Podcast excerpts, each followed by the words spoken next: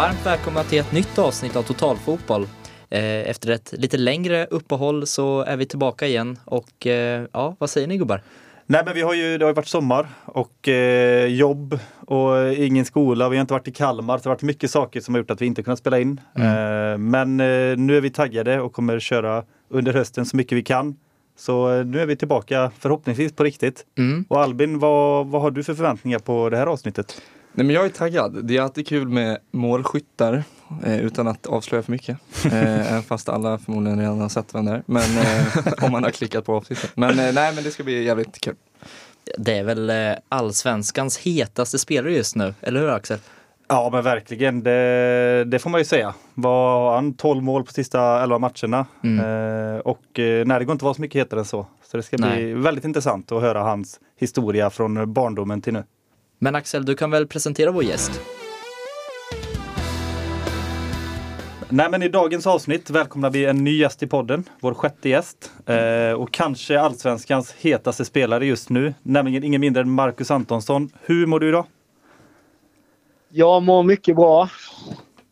Härligt. Som vanligt kör vi igång med lite snabba frågor då innan vi går in lite mer på djupet av din karriär. Så att vi börjar med ålder. Usch, det vill man inte prata om längre. eh, 31 år har jag fyllt. Mm. 31 år ung. Ja, exakt. Jag känner mig, känner mig som 23 ska jag tillägga. Perfekt. Favoritlag? Usch. eh, Arsenal har det alltid varit. Det är ju det, får jag säga. Position? Anfallare Bor? i eh, Halmstad var väl längre.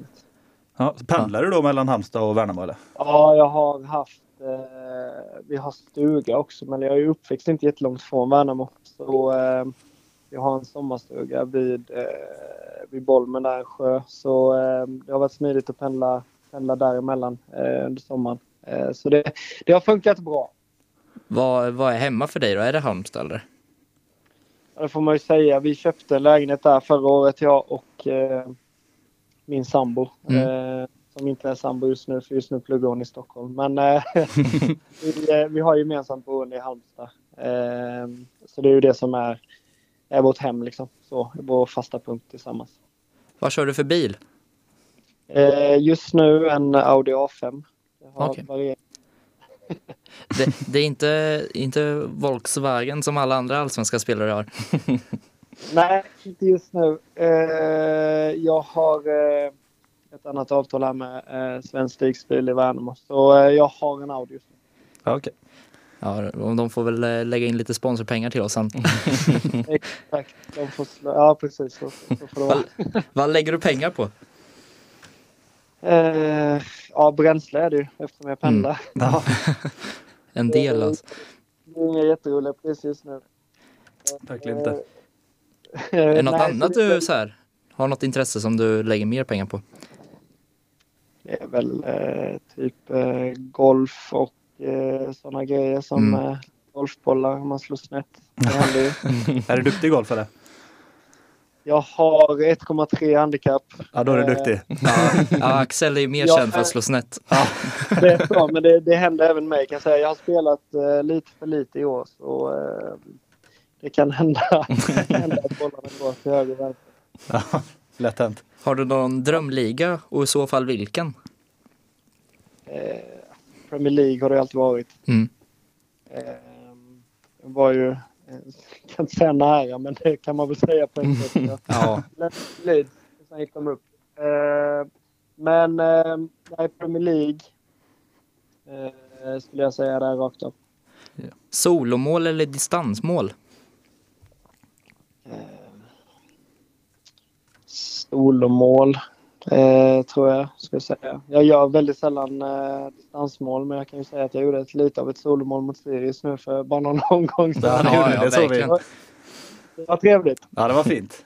Verkligen. Ja, Bästa spelare du spelat med? Marcus Rosenberg. Ja, okej. Just av den anledningen. Alltså spela med och vi spelade ju verkligen ihop på topp och hittade varandra otroligt bra från, från dag ett egentligen. Så, så därför så känns den, eh, det är det som kommer upp liksom. Ja. Eh, bästa spelare du spelat emot då? Eh, Eden Hazard, första namnet som kommer upp. Han spelade ju i Chelsea när vi mötte dem där Ja. i... Ja, han är helt okej. Ja, Eller var i alla fall. de hade några som spelade, alltså vi spelade mot David Luiz var ju mittback till Mm. Exempel. Men eh, jag kommer ihåg att jag imponerades av David Luiz tillslag, alltså hans passningsfot. Det var, det var liksom någonting som man direkt så reagerar på. Hans sätt att, att trycka till passningarna, hur svårt det var för oss att flytta oss i, i defensiven. Ehm, alltså att han bara slog ut lagdelar med sådana stenhårda bredsidor som, eh, ja, alltså det, Mm. var, det var väl också någonting som, som stack ut. Hur var Rydiger då? Var han lika bra då som han är nu? Han ändå Real Madrid just nu. Mm. Nej, men han var ju jäkligt bra givetvis. Men han, han, man kan väl säga att han slog väl igenom... Eh, han hade väl inte samma status riktigt när vi mötte dem, men sen efter det så gick det ju, eh, gick det ju uppåt för han och, och efter det så har han ju liksom haft en otroligt hög status. Mm. Eh, Fick självförtroende när han mötte oss, tackar. Favoritspelare som liten? Eh, Fredrik Ljungberg ska jag säga. Eh, varit mycket i Halmstad och liksom någonstans har det känts nära. Eh, Mm. Det är väl därför jag är Arsenal-support också tror jag. Många i min generation som, som är det och som har honom som haft en sån tror jag. Mm. Har du träffat honom någon gång eller? Eh, nej, inte träffat honom. Eller jo, jag har alltså, man har ju varit, eh, inte träffat honom på det viset. Man har snackat med honom liksom, men eh, eh, har ju sett honom i Halmstad liksom. Mm. Eh, För, Snyggaste målet du gjort? Eh, Ja du, alltså snyggaste målet är också av högst betydelse ska jag säga. Jag räknar väl in det, det är väl besikta spottarna. När vi lyckas i avgörande matchen i gruppspelet Europa League, vinna med 1-0 nere där eh, på bortaplan. Eh, gjorde matchens enda mål. Eh, det var jäkligt snyggt och sen också den betydelse målet Mm. hade. Mm. Jag går in där.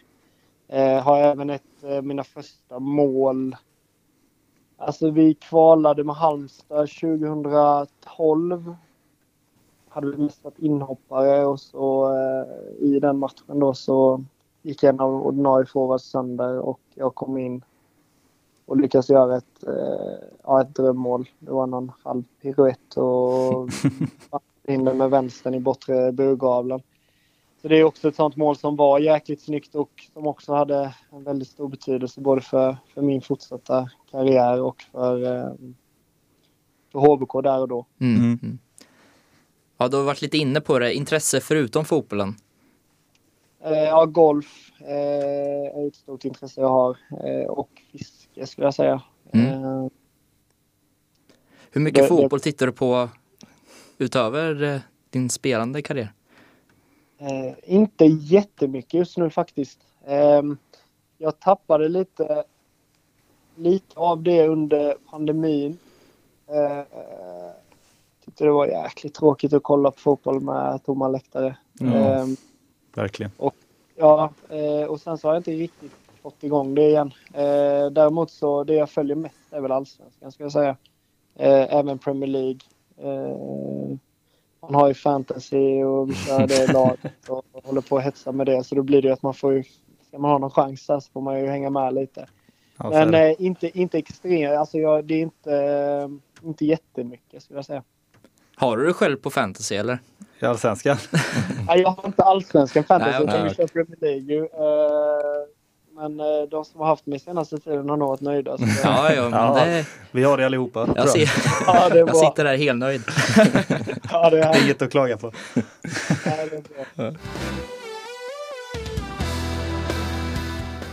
ja, men snyggt, vi, eh, vi lämnar snabbfrågorna och eh, rör oss in lite på din karriär då. Vi börjar eh, eh, en bit tillbaka redan på ungdomsnivå tänker vi i Unnaryds Goif. Eh, där du startade din fotbollskarriär helt enkelt och även uppväxt där. Eh, kan du berätta lite om, ja framförallt klubben då? då? Eh, nej, men eh, det började ju där som sagt. Eh, och eh, eh, som alla andra, eh, höll jag på att säga, små, små grabbar så drömde man om att bli fotbollsproffs. Eh, Och det är ju ett väldigt litet ställe med, jag vet inte hur många som bor där, men eh, typ tusen pers liksom Mm. i, och, och runt om. Ehm, men har väl haft turen får jag säga att, att vi alltid, vi, vi 91 var en väldigt bra årgång. Eh, även, eh, även eh, de födda 90.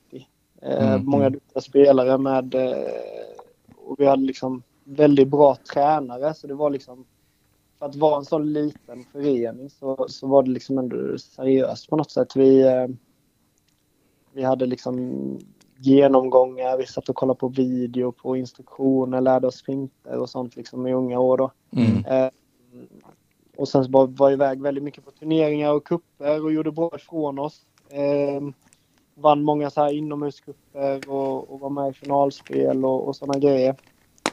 Ehm, så det är väl det egentligen tidigt som sitter i minnet och jag gick ju, jag var ju där eh, även tog steget upp i A-laget liksom. Mm. Ehm, så, och var där tills 17 år tror jag. 17, Mm. 18. Länge. Hur, eh, hur var du som fotbollsspelare under ja, de unga åren och upp mot 17-18 års ålder? alltså, har du alltid varit en renodlad, renodlad eh, anfallare? Liksom? Alltså, när man var yngre så var jag väl mer, tror jag, jag kommer knappt ihåg, men lite mer central, alltså mittfältare. Ja. var väl ganska så eh, duktig liksom. Eh, även då får man väl säga, tog bollen och kunde dribbla och göra mycket mål och på den tiden liksom. Mm. Eh, så eh, jag har väl alltid gjort väldigt mycket mål. Eh, men om det var på sjumanna så var jag nog lite mer eh, in i mittfältare liksom och Mm. kunde, kunde springa igenom lagdelar mer och bara eh, göra, göra lite vad man ville i vissa matcher. Liksom. Ehm, så. Eh, och sen när jag tog upp steget upp i A-laget där eh, på Elvamanna så var jag en del yttermittfältare från början också. Ehm, kanske inte är helt ovanligt heller när man, när man kommer upp som liten junior, man är liten och klen och har ingenting att sätta emot så ska man stå så långt bort från de andra stå och slicka linjen ute på en kant. Vad var det för division då? Division 4 var det. Division Eh, 4. Så det var ändå ganska alltså, okej, okej nivå. Mm. Det får man säga. Fyran jag tycker det finns ändå många där som, som kan spela fotboll. Det är typ Eh, den nivån vi har hållit.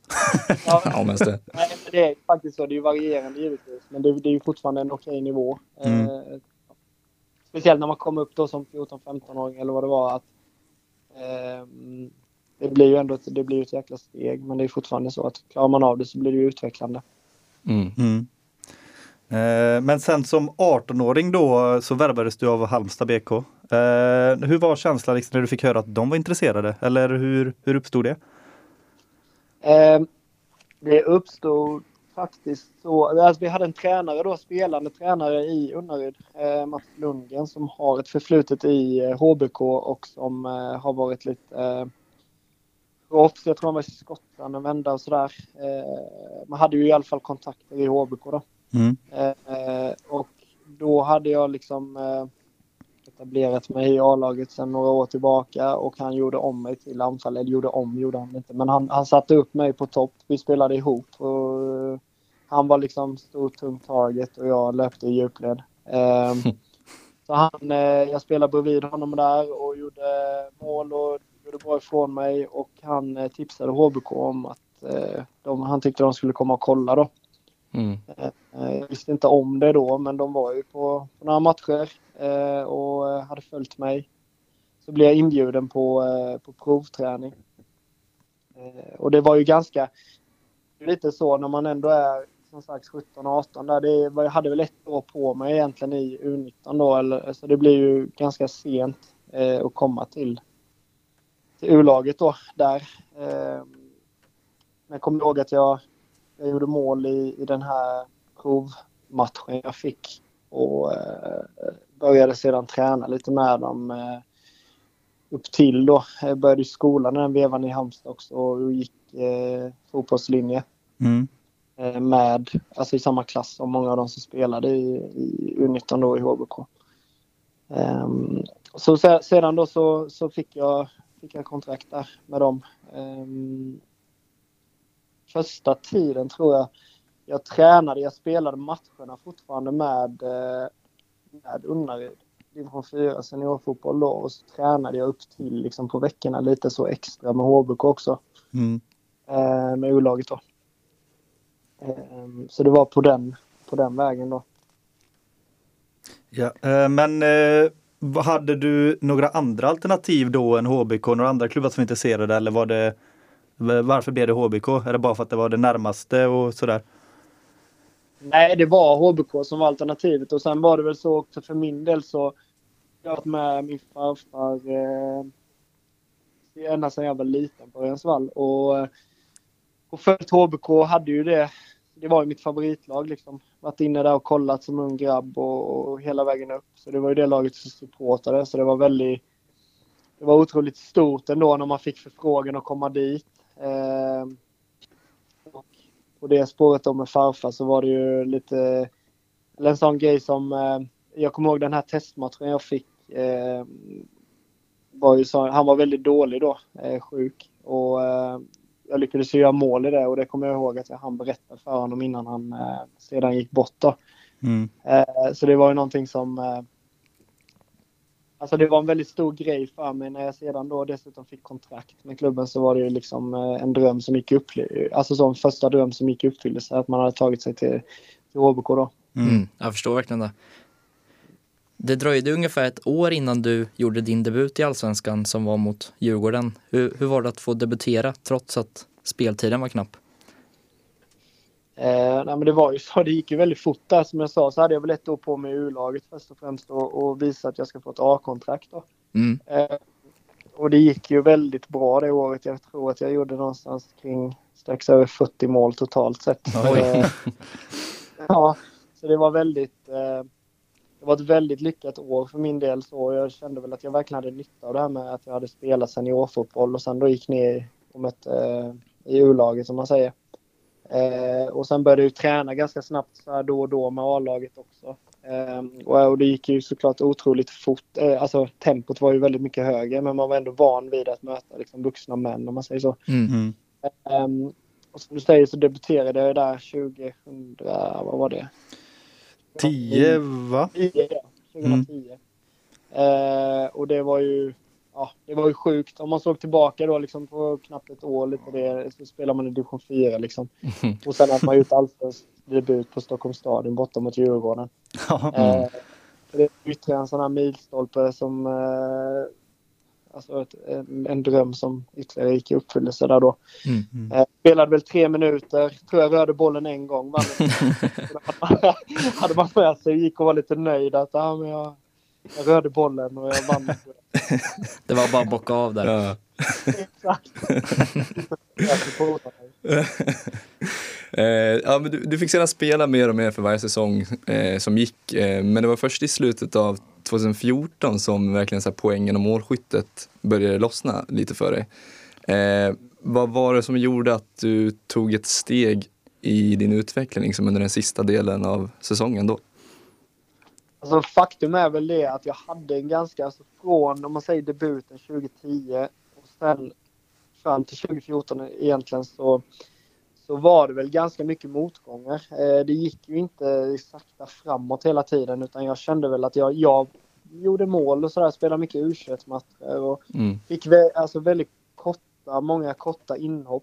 Eh, vi var ju i både Superettan och, Allsvenskan då Mm. under de åren. gick lite upp och ner där. Eh, men kände väl inte riktigt att jag fick chansen eh, där då. Eh, utan det var att ja, jag hoppade in fem minuter hit och dit och, och du vet så här fem, tio minuters inhopp och det Mm. var, ju- kände man ju att det är väldigt svårt att göra något. Men, men jag lyckades ändå peta in och jag bollar där.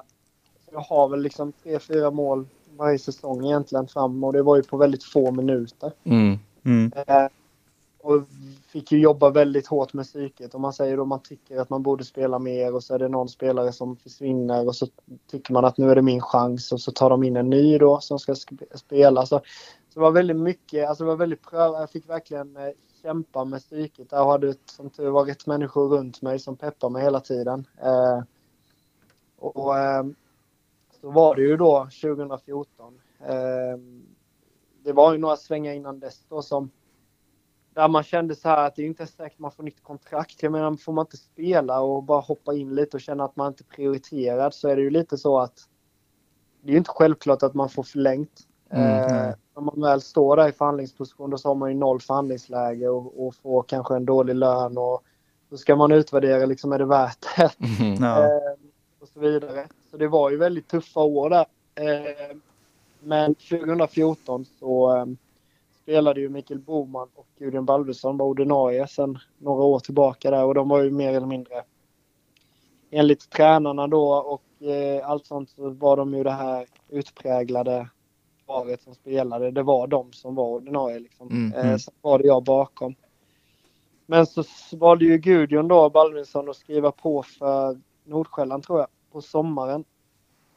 Och eh, det gjorde då att eh, Jens Gustafsson kände att eh, ja, han ville väl helt enkelt inte fortsätta spela med honom eftersom han redan skulle lämna efter säsongen. Alltså han var redan klar för en annan klubb. Mm. Då fick jag ju den här chansen då kan man ju säga egentligen första gången på riktigt att jag fick börja starta matcher och framförallt starta flera matcher på rad då. Ehm, som jag ändå anser får chansen liksom att man ja, man får lite kontinuitet i det, liksom kunna, kunna komma in i det och, och få förtroende och känna ett annat lugn. Och det var väl egentligen då som eh, det bekräftade väl det jag hade känt hela tiden, att jag är redo. Spela med mig, jag kommer göra mål och jag kommer leverera. Och det, det var väl lite det kvittot jag fick där då. Så jag Mm. gjorde väl mål och tre assist tror jag där min första riktiga. Det var ju ett halvår på hösten då. Och framförallt så kände jag att det gick väldigt bra spelmässigt. Eh, alltså att jag var viktig i laget och att jag bidrog och, och sen då även lyckades göra avslutade ju väldigt bra med Mm, verkligen. eh, eh, Ja, för jag tror det var väldigt bra där de sista fyra, fem matcherna gjorde jag nog. Ja, enligt vår research så gjorde du samtliga sex mål på mellan omgång 26 och omgång 29. Så det, är- Ja. det är otroligt.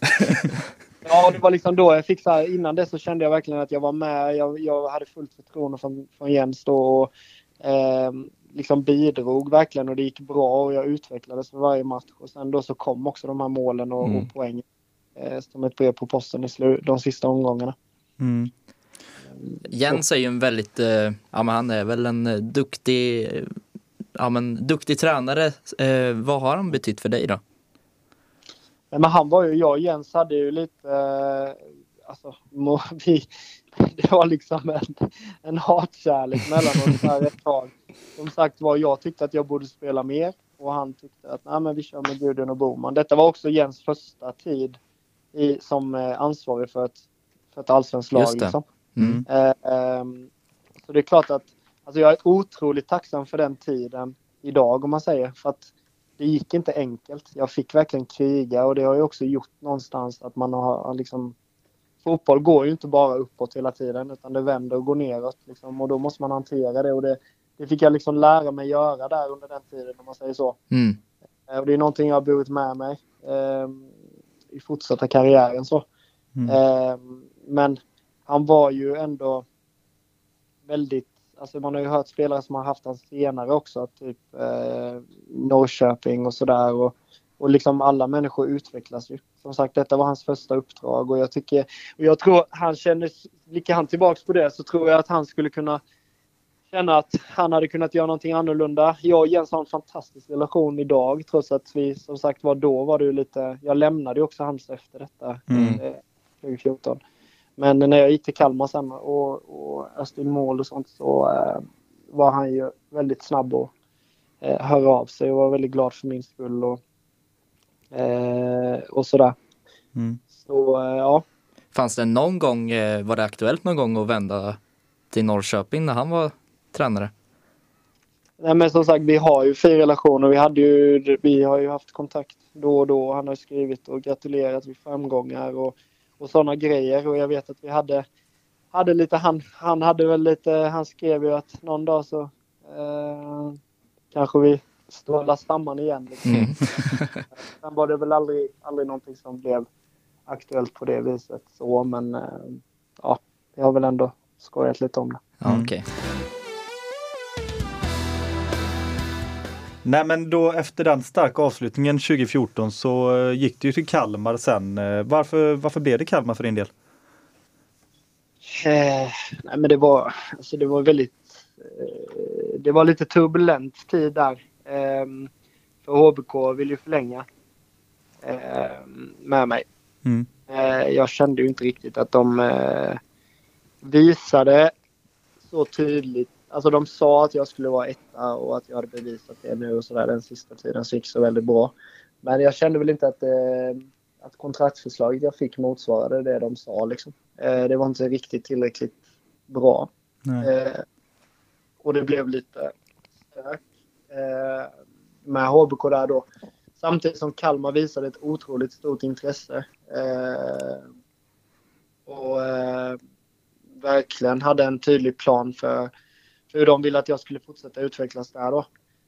Um, och så kände jag, landade väl någonstans i att eh, att, att, att byta miljö skulle nog göra mig gott, liksom, eller att testa på det. Uh, det var ingenting som var självklart, för jag menar jag har supportat Halmstad sedan jag var liten. Så, och uh, att då ha fått det här genombrottet och, och allt detta för att sedan då byta klubb. Eh, det låter lite konstigt kanske och hela den biten, men, men det var som sagt var, det, var, det blev det växte fram till en självklarhet med alla saker som hör till en, Mm. en förhandling och, och allt sånt där. Eh, och då kände jag helt enkelt att eh, Kalmar är det laget som tror på mig mest och eh, jag vill fortsätta min resa där.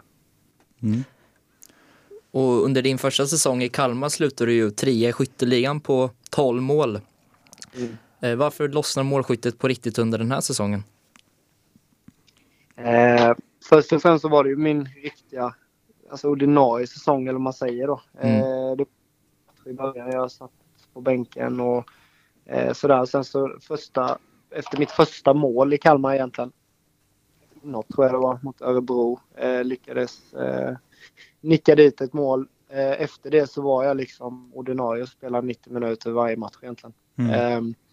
Så först och främst var det ju det förtroendet, tror jag, eh, som jag fick från tränare och, och alla runt om Kalmar. Och sen, sen var det också ett otroligt härligt gäng vi hade. Eh, bröderna Elm var ju där allihopa, hade kommit hem. Vi hade ett bra lag liksom. Eh, Ismael på innermittfältet med en fantastisk speluppfattning. Och desto längre säsongen gick, desto mer var det som att eh, du vet, man bygger relationer med, med spelarna, lagkamraterna. Och, eh, det passade mig väldigt bra. Liksom. Det var Mm. många som... Eh, alltså det var så här, de sökte mig med, med fina passningar i djupled och de visste om att jag levererade mål och, och man bygger det här förtroendet också. Liksom. De gav Mm. mig bollen helt enkelt och, och ville att jag skulle leverera mål.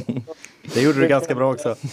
Ja, men det blev ju så. Så, så det är en helhet eh, som verkligen blev bra och sen framförallt kommer jag ihåg det här tryggheten och förtroendet som man hade liksom. Ehm, så det, det var ju eh, ja, det var ju verkligen ett genombrott på det viset. Mm. Ja, du är inne på förtroende från tränare och så. I det här fallet var det ju Peter Svärd. Hur, hur var han som tränare? Nej, men det var eh, alltså eh, bra. Som sagt var, han gav mig ett stort förtroende och eh, det var också hela gruppen egentligen. Alltså, det, vi, var en väldigt, jag tror vi var en enkel grupp att, att ha att göra med som, eh, som tränare. Mm. Mm, så, så det är klart att eh, har man ett förtroende på det viset och får spela 90 minuter varje match och eh, så, så, så har man ju alltså, har man inget ont att säga om, om en sån tränare. Liksom. Eh, Så är det ju. Men eh, nej, det var, han var jättebra. Ja, men sen säsongen efter eh, den här första säsongen du gör 12 mål då så blir du ju bara kvar till sommaren. Du bombar in 10 mål på 12 allsvenska matcher och eh, då ledde du skytteligan. Hur, alltså, hur ser du på det fantastiska halvåret i Kalmar 2016? Ja, men det var ju lite... Efter det första året så valde jag att förlänga kontraktet ett år till då i, i eh, Kalmar. Jag kommer ihåg liksom hur jag resonerade med mig själv. Jag hade sånt otroligt självförtroende där och då så jag kände ju bara typ att jag, jag kommer bli... eh, Alltså jag kommer fortsätta leverera. Det finns Mm. ingenting som stoppar mig från det. I detta laget med de här spelarna runt om mig och, och allt sånt så kommer jag fortsätta ösa in mål och då då förlänger jag gärna kontraktet ett år till och sen så kommer det säkert finnas klubbar som vill köpa loss mig liksom. Snarare än att sitta då och vänta ut kontraktet och, och att man ska lämna som bossman. Eh, Mm. Så eh, ja, nu tappade jag frågan. Nej, men lite varför, du, varför det gick så jäkla bra där i 2016, första halvåret. Nej, och då var det ju det här självförtroendet, eh, precis som jag sa då. Och det, det, var, det blev ju så. Jag började göra mål eh, början där och sen så flöt det bara på. Eh, precis det, den känslan jag hade inför säsongen, det blev precis så jag så som jag kände. Eh, och ja, det, liksom, självförtroendet blev stärkt match efter match och sen så började det trilla in intresse från klubbar och så använde man det på rätt sätt, liksom att, att det stärkte en ytterligare då.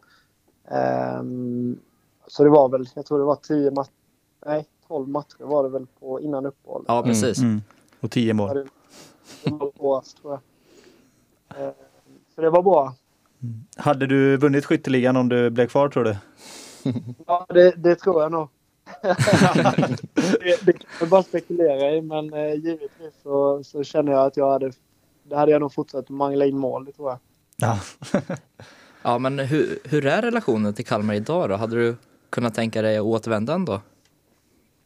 Eh, nej men det, alltså den är ju jättebra så givetvis. Jag, jag gläds med deras framgångar nu och ehm, verkligen. Eh, och det, det är klart att Kalmar har också betytt mycket för mig ehm, för min fortsatta karriär. Alltså det, att de plockade, plockade mig i det läget och trodde på mig, det var ju någonting som var väldigt viktigt för mig där och då och som, Mm. som också har, gjorde att jag fick liksom eh, möjligheten att eh, ganska snabbt att ta, ta steget vidare också. Ehm, så det, det är så det är klart, klart att eh, Kalmar har en speciell plats i hjärtat efter, efter det. Ja, det är ju många som påstår att eh, med dig i laget hade de kanske vunnit guldet i år. De saknar en målskytt lite Ja. den här säsongen, annars hade de nog varit eh, topp tre. Ja, jag har inte missat de spel. Det blir så, man blir taggad. Insta och på Twitter, så jag har ju sett de spekulationerna. Ja, du har det? Det, det är ingen som vet. Det är så det är. Nej. Nej, exakt. Det är bara spekulation. Men eh, ja, finns det någon sanning att de har varit intresserade av dig? Nej, alltså det har inte varit inför detta året så, så valde jag att gå till, eh, till Värnamo och då var inte, fanns inte Kalmar med i bilden ju. Nej. Okej. okej. Så var det. Eh, och efter den här fantastiska våren då så blir det en flytt till Leeds i England och The Championship. Hur, eh, hur var det att en sån historiskt sett stor klubb ville ha just dig? Eh, nej, men det var ju otroligt stort. Ehm, det, man levde väl någonstans i någon typ av bubbla där och då. För jag menar, kollar man tillbaka, jag var i Kalmar ett och ett halvt år. Innan dess så krigade jag på i Halmstad och, och hade som sagt mycket motgångar. Eh, och sen liksom två år senare så står man där på, på Ellen Road och skrivit på ett kontrakt. eh, ska flytta till England, som jag också alltid hade drömt om att, att spela i. Liksom. Mm. Eh, så det var ju otroligt stort och man kände ju från första sekund när man satte sin fot på Ellen Road liksom vilken, vilken enormt stor klubb och vilken historia de har och allt sånt. Så, eh, så det var ju väldigt, väldigt stort givetvis. Mm. Var det självklart att det skulle bli Leeds när de kom och knackade på dörren eller fanns det andra erbjudanden som också övervägdes? Nej, men det blev, eh, det blev ganska självklart för Leeds var alltså jag hade väldigt mycket alternativ där. Eh, det, det måste jag ju säga. Eh, det var lite andra klubbar i England och, och sen var det också eh, det från Frankrike och allt möjligt. Egentligen det var faktiskt helt sjukt. Eh, ja, liksom, det blev ju så när jag gjorde så pass mycket mål Mm. i allt. Men, men Leeds var ju det laget som från egentligen från att det började ringa min agent så, så var det de som visade absolut störst intresse. Ehm, och eh, jag åkte också ner då eh, och besökte dem eh, ganska så, ja, där innan. någon gång precis när vi fick uppehåll. Mm. Och från sekunden att jag väl kom dit så var det självklart. Liksom. Så, då kände jag att här vill jag fortsätta. Mm. Hur blev du mottagen av lagkamrater och fansen och så när du kom till klubben? Nej, men det, det var bra. Alltså, jag, jag var ändå, det blev ändå så de köpte mig för typ 20 miljoner eh, svenska kronor då. Eh, så jag var ändå liksom ganska så... Alltså jag var ju en spelare som de hade tänkt eh, jag ska verkligen ösa in mål för dem. Alltså en ganska stor värvning det fönstret. Eh, vi gav mig nummer 10 och eh, alla sådana grejer. Så jag blev väldigt väl mottagen och man kände ju att alla hade stora förväntningar om man säger så. Eh, när jag kom dit. Så det, det, var, nej, men det var kul, verkligen. Mm. Ja, i eh, Leeds hade ju precis Gary Monk tagit över också som var en duktig spelare för Swansea under många år. Hur var han som tränare? Eh, nej men det var väl, det var väl lite som sagt var i den här processen, du vet när man ska välja en ny klubb. Så var jag ju där och, och träffade, träffade dem som var inne på. Mm. Först och främst så, så var det ju liksom ägaren där då som eh, Massimo Cellino. Mm. Som, ehm, han hade ju scoutat mig enormt. Alltså han hade suttit och kollat på hur många videos som helst och följt mig i matcher och allting. Så, um, någonting som kom, sen träffade jag också Gary Monk eh, efter att jag hade skrivit på. Mm. Innan, han var precis klar där och då. Ehm, så det var väl någonting som i efterhand då kom fram kanske att det var väl lite mer ägarens värvning än, än tränaren som man säger så. Mm. Men han, han var ju också ganska, alltså vad ska jag säga, han, han hade avslutat sin spelarkarriär ganska nyligen. Mm. Eh, och det kände man väl av lite kanske att han, han var ingen manager som hade varit, alltså som hade den erfarenheten av att alltså, stå vid sidlinjen och, och coacha ett lag kanske. Nej, precis. Eh, det, det känner man ju av, för det har man ju haft x antal eh, genom år. Man har haft x antal tränare liksom. Mm. Eh, man av när någon har erfarenhet från det, hur du behandlar liksom människan också bakom, eh, eh, alltså utanför planen och sånt. Eh, men jag kan inte säga att han, jag kan inte säga något dåligt eh, på det viset, utan bara kanske att han inte hade jättestor erfarenhet av det. Det märkte man kanske av lite. Mm. Men eh, i laget då fanns ju Kelvin Phillips som eh, i somras lämnade Leeds till City för eh, över 500 miljoner och är startspelare i Englands landslag. Eh, märkte du, alltså när du tränade med honom och spelade med honom, trodde du att han skulle bli så bra som han har blivit? Han var ju, alltså han, han, var, han var ju inte helt ordinarie hela tiden. Mm. Men däremot så, så var han ju en spelare som eh, utmärkt sig på det viset. Alltså han är så sjukt, alltså han smäller på helt galet i eh, och det ser man ju, eh, alltså den spelaren han är nu, liksom hans satsningar och hans sätt att gå in i duell och glidtackla och, eh, och sådär. Det, det var ju någonting som man ändå så här, tyckte var ganska imponerande för, för han hade precis kommit upp. Alltså jag tror han hade gjort en säsong i A-laget innan då. Mm. Kommit upp från akademin innan och jag tyckte det var så, alltså jämförelsen med spelare som kommer upp från ungdomslag i Sverige Mm. där man är ganska försiktig och, och så på många ställen till att komma dit och han bara köttar på träningar.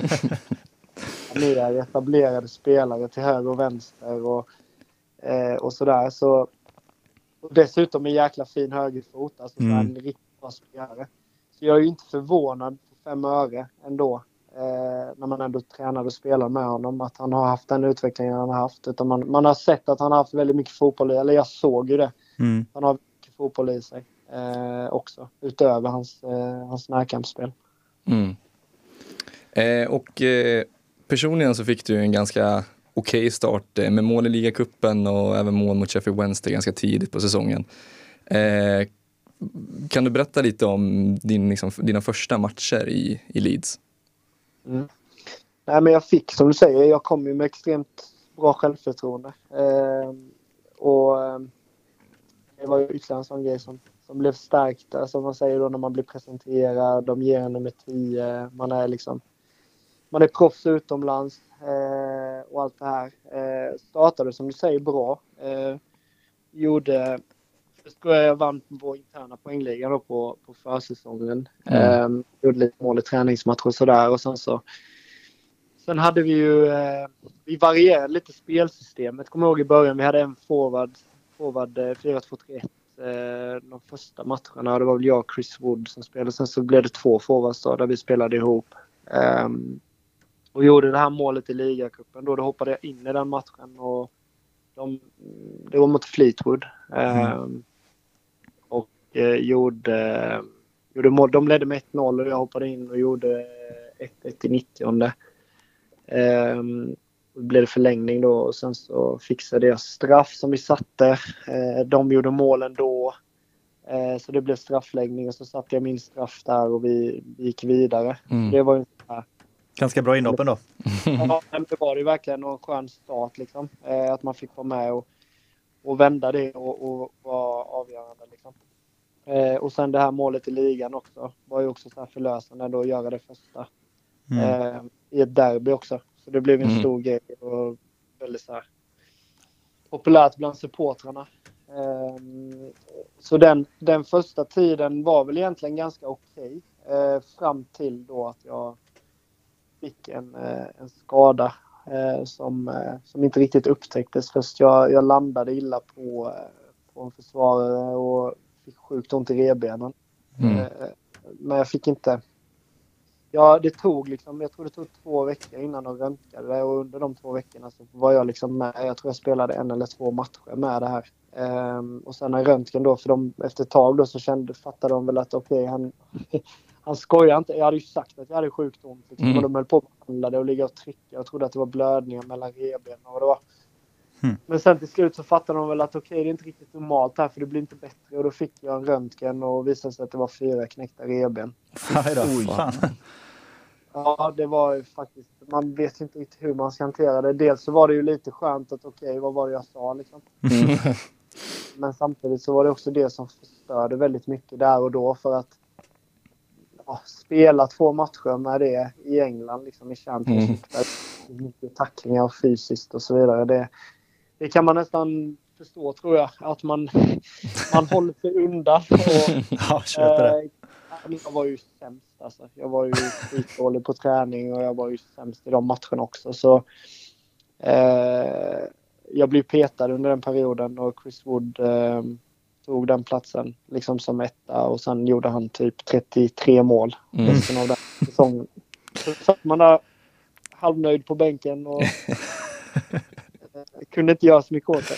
Nej. Nej. Men hur var det att, att spela med honom då? För han har ju också likt Kevin Phillips gått ganska nyligen för även hans stora pengar liksom. Men hur, hur var det att spela med honom? Nej, men han var ju också alltså en tank. Alltså han var ju sjukt han snabb ändå när han fick upp farten och jäkligt bra, alltså sjukt bra i boxen. Eh, ehm, så alltså det var ju bra, det var ju bra spelare för mig att lira med egentligen så här mer, lite mer target. Ehm, och eh, nej men alltså en jäkla duktig spelare också imponerande för honom för han hade haft en tuff tid i Leeds innan. Jag vet när jag kom så var det många som pratade om att ah, han kan inte göra mål och han, han håller inte typ. Mm. Så han hade haft motgångar innan. Eh, och sen då så lossnade det rejält för honom och sen efter det så har han ju haft en otroligt fin karriär med flera år i, i Burnley Premier League och, och nu Newcastle. då. Mm. Ja, verkligen. Jäkligt fin kille också. Så man, eh, man gläds med honom när det går bra. Mm. Vad, men om man ser till ligaspelet och så då, vad är de stora skillnaderna på att spela i England och Championship jämfört med allsvenskan? Nej du, det är svårt att, svårt att säga alltså, men det, alltså det är ju lite tuffare är det ju. Alltså rent fysiskt så. Eh, lite högre tempo. Jag skulle säga att liksom många spelare kanske håller en lite högre nivå liksom, individuellt så. Mm. Mm. Mm, sen skiljer det givetvis från topplag och eh, topplag och sånt. Alltså man säger, jag vet Newcastle var väl dominanta i ena året. De hade varit uppe i Premier League och kommer ner. Alltså så här, det är spelare som spelar Premier League året innan som är nere. Mm. Eh, där märker man ju att det, är- det är klass på det de gör. Ehm, och sen, ja men det, det är väl det som är den stora skillnaden egentligen. Att alla kanske är lite bättre och sen så bortsett från, från vissa lag i allsvenskan, alltså topplag i allsvenskan håller ju, alltså det, det har blivit bättre också. Mm. Eh, blir bättre och bättre i allsvenskan, vilket är jäkligt kul. Eh, så det finns absolut många spelare i allsvenskan som har höga toppar som, som, eh, som håller absolut Championship-klass. Liksom. Mm. Är det inte allsvenskan, eh, alla kan slå alla lite? Den känslan känns det som ibland. Jo, men samtidigt så... Ja, du menar i Championship eller? Ja, jag men, nu allsvenskan menar jag att det, det känns Ja. som att det, alla kan slå Det alla har i... blivit så. Det har blivit, jag tycker nästan det blir ännu mer så för varje år som går. att, eh, alltså att det blir eh, lite jämnare så. Men samtidigt så det är lite så i Championship också. Alltså typ så här. Eh, ja, jag vet inte. Men visst, det skiljer. Alltså de som ligger på nedflyttning och där nere, det kan ju vara sådana matcher att du vet att Mm. men de kommer inte vinna mot dem. Annars är det också många lag som håller hög kvalitet. Liksom. Hela ligan är väldigt hög kvalitet skulle jag säga. Mm. Men hur, eh, ja, hur sammanfattar du ditt år i Leeds? Eh, nej men det blev ju inte alls vad jag hade tänkt mig. Eh, så.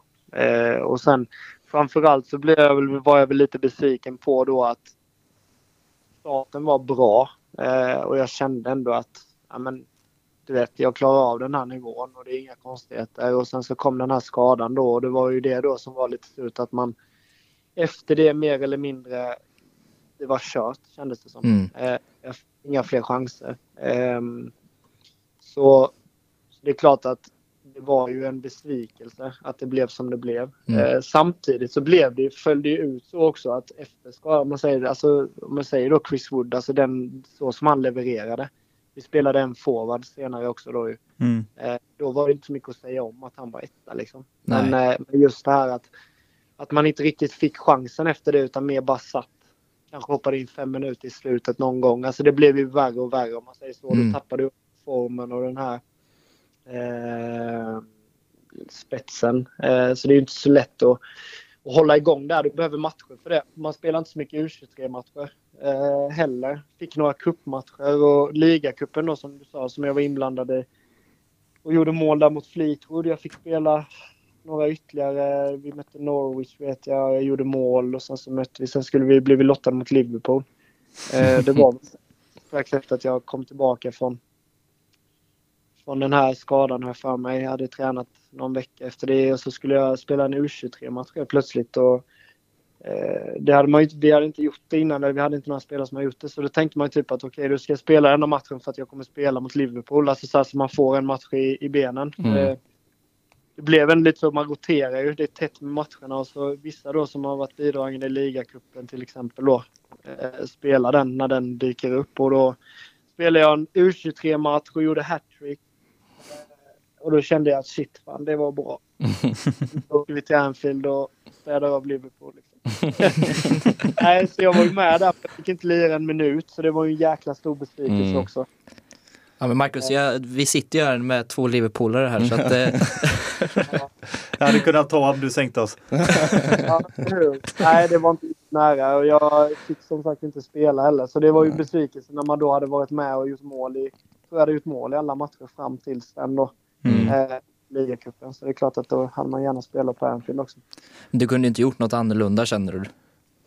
Nej, alltså det, det är klart att man, man, man ser tillbaka på småsaker. Alltså man, man kommer, hade jag kommit, hade jag kommit ut kommit dit igen som jag gjorde så hade jag nog försökt ta för mig lite mer också. Eh, kommer från en mindre klubb. Först var jag i Halmstad, sen i Kalmar och sen, sen kommer dit. Liksom vässa armbågarna lite mer hade jag nog gjort. Men sen tror jag inte att det hade hjälpt i, i så som det blev. Tyvärr blev det. Alltså fotboll, ibland är det så. Det är bara att acceptera att eh, du har en tränare som eh, kanske inte riktigt då Eh, uppenbarligen så trodde han ju inte så mycket på mig eftersom jag inte fick spela mer efter skadan om man säger. Men fram tills det och så som det blev så känner jag nog att jag kunde nog inte gjort så mycket annorlunda utan det var det liksom bara så här, gå vidare. Jag tänker på, eh, i och med att det blev mindre speltid och så i januarifönstret, var det något snack om några utlåningar eller någon, liksom, något klubbbyte av någon form liksom? Nej, där och då var det nog inte det. Eh, då var det fortfarande så nytt också. Liksom, Mm. Man hade varit halvår och, eh, och sådär. Så då fanns det ju bara, då, du vet, då bara krigar man på Mm. och tänker att nästa match, nästa match, nu kommer jag få chansen. Alltså du vet så. Mm.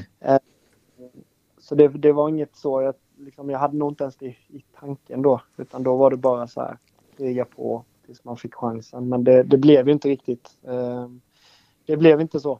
Nej. Nej. Hur är relationen till klubben idag?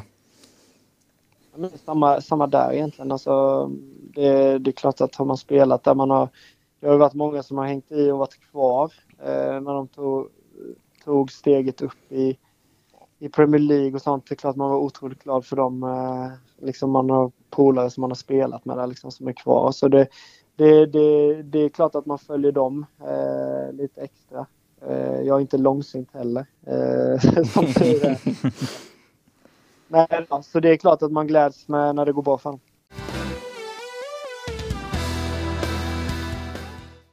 Och efter en, ja, som sagt då kanske inte den mest lyckade säsongen i Leeds så lånas du eh, sommaren 2017 ut till Blackburn i League One. Eh, där du får bra start på din karriär även i Blackburn där du gör tre mål i september men framförallt så gör du fyra mål och en assist i november vilket gör att du prisas som månadens spelare i november. Kan du eh, berätta lite om ja, din första tid i Rovers? Ja, det var, eh, det var ju liksom, det var verkligen välbehövligt för mig kände jag ju när jag kom dit. Eh, först var jag lite skeptisk. Eh, det hade gått ett år sedan jag hade jäkla massa klubbar som var intresserade i både Championship då och så i andra europeiska ligor och sen så helt plötsligt så fanns det inget kvar och så var, skulle man gå ner i League One. Man var ju först lite såhär bara fan. så jag träffade Tony Mowbray då som var tränare. Och eh, efter det mötet så var det inget snack utan jag kände bara okej. Okay, han vill jag spela under. Um, och det startade ju som du sa väldigt bra. Jag fick en, eh, kom in skitbra i laget och eh, kände verkligen att, att det rullade på. Eh, man började hitta tillbaka liksom, till sig själv igen. Ehm, så, eh, så det var en väldigt bra, eh, bra första tid där. Mm. Och du fick spela en del som eh, vänsterytter också. hur kändes det att, att spela på en ny position liksom? Det var väldigt, alltså så här, det är lite det, är lite det som uh, var grejen med det var att alltså vi körde ju med Danny Graham spelade som en central forward egentligen som enbart target. Mm. Um, och så ville vi ha djupledshot från kanterna då. Um, så jag spelade, han sa ju till mig det hela tiden liksom att du är forward. Mm. Jag förväntar uh, att du är någon, liksom ska jobba hem en massa utan du står kvar högt och om deras ytterback väljer att gå så grattis, du är fri. um, Så det var lite, det var liksom så här hans, han satte mig på en kant med en tanke liksom om att du gör som du hade, alltså du är forward. Mm. Eh, jag, med att du ska göra poäng och att du ska vara pigg när vi har bollen offensivt. Så det funkade väldigt bra. Ehm, jag kände att jag kom bra med i spelet och, skapade mycket chanser och som sagt eh, tror jag gjorde åtta mål och tre assist totalt och första halvåret innan nästa skada var ett faktum. Ja men hur var det där med ytterligare en skada i, ja men väldigt olägligt kommer det där eftersom du var bra form och gjorde mycket mål och poäng. Men hur, hur mycket påverkade den skadan dig? Men det var tufft också för Blackburn hade ju, jag vet att de tog in mig, han tog in mig på sitt kontor, tränaren, och var inne på att de ville köpa loss mig och sånt eh, från Leeds. Mm. Eh, precis innan det och det var bara liksom lite sådana här frågetecken kring att ja, vi måste bara komma överens om ett pris eh, och att vi måste veta också att vi, vi tar steget upp i Championship. Vi var ju Alltså vi, vi visste ju att vi, det var inget snack om att vi hade truppen för och att vi skulle gå igenom. Men det är fortfarande så, det är tufft att gå igenom de här matcherna ändå. Liksom. Det kan gå snett. Mm. Eh, var, vi var inte självklara ettor. Liksom. Det var vi, Wiggen och något mer lag vet jag som var uppe i toppen. Eh, och sen då som sagt var det var ju en bekräftelse man fick då att fasen var de är nöjda, de vill köpa loss mig.